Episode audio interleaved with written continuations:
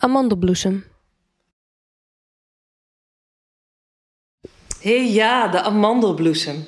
Ik ben er toch een beetje trots op. Wist je dat ik deze gerestaureerd heb?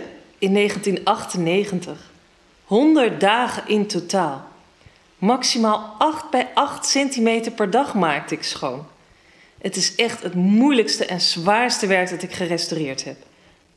Kijk, als je een schilderij van heel dichtbij bekijkt of vergroot met een microscoop, dan ziet het eruit als een berglandschap.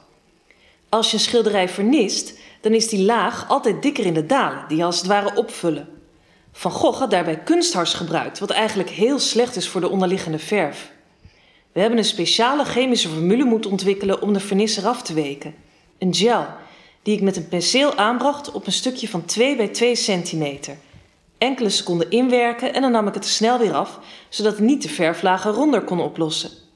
Dat werkte wel goed op de bergen, maar de resten die in de dalen bleven liggen, plakte, het leek eigenlijk een beetje op kauwgom, die moest ik met behulp van een stereomicroscoop verwijderen en met een scalpelmesje.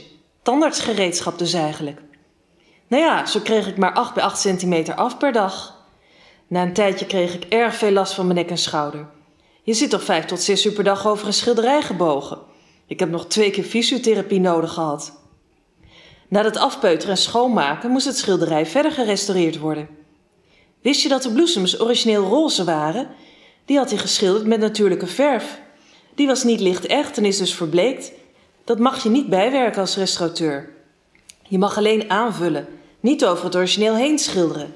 We hebben wel het donker wat bijgewerkt, waar de verf was losgekomen, maar dus niet over de bloesems heen.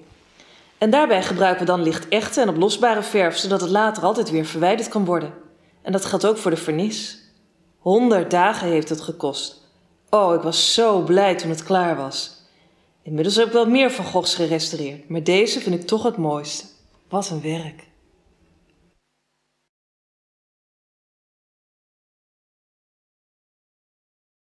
Een op zijn rug liggende krab. Oh, krab. Krab is heel gemakkelijk en, en heerlijk vlees en het lekkerste in mij. Ik gebruik het liefst uh, verse krab, niet diepgevroren, want vers hebben ze uh, meer smaak. En ik kijk altijd bij aankoop wel snel of ze nog uh, leven. Omdat ze vaak snel naar de vangst sterven en dan worden ze heel snel minder lekker. je kunt beter een, een vrouwtje kopen dan een mannetje. Vrouwtjes zijn beter gevuld dan mannetjes. Ze zijn zwaarder, ze smaken beter, ze zijn zachter. Ze hè, dat is eigenlijk bij mensen ook zo. Het verschil is, is uh, zichtbaar aan de buik. Een vrouwtjeskrab heeft een grotere lip dan een mannetjeskrab. Dat kan je hier op de schilderij dat niet zo goed zien. Een levende krab moet je nooit direct in het kokende water gooien, want dan schrikken ze. En dan laat ze haar poten en haar scharen los. En de, de truc is om uh, eerst zachtjes tussen de ogen van de krab te wrijven. Dan valt ze in slaap. En dan uh, leg je haar een uurtje in de koelkast met een vochtige handdoek eromheen. En als je dan daarna in het water gooit, dan is het geen enkel probleem. Met krab hoef je verder niet zoveel te doen. 15 minuten in, kokend water, een beetje zout. En doe daarna wat tabasco, azijn erover sprenkelen en wat na laten stomen. Verrukkelijk. Koud, warm, heerlijk. Ik ben echt helemaal gek op krab.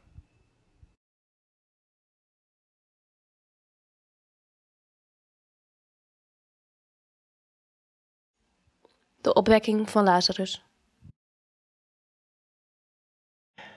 Oh, ja. Ik zie het al. Dit is de voorstelling van de opwekking van Lazarus.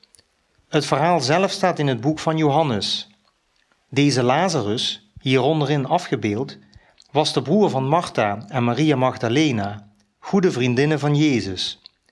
Het verhaal gaat dat hij doodziek was Martha en Maria smeken Jezus om van Jeruzalem naar Betanië te komen, om hun broer te redden, om hem beter te maken.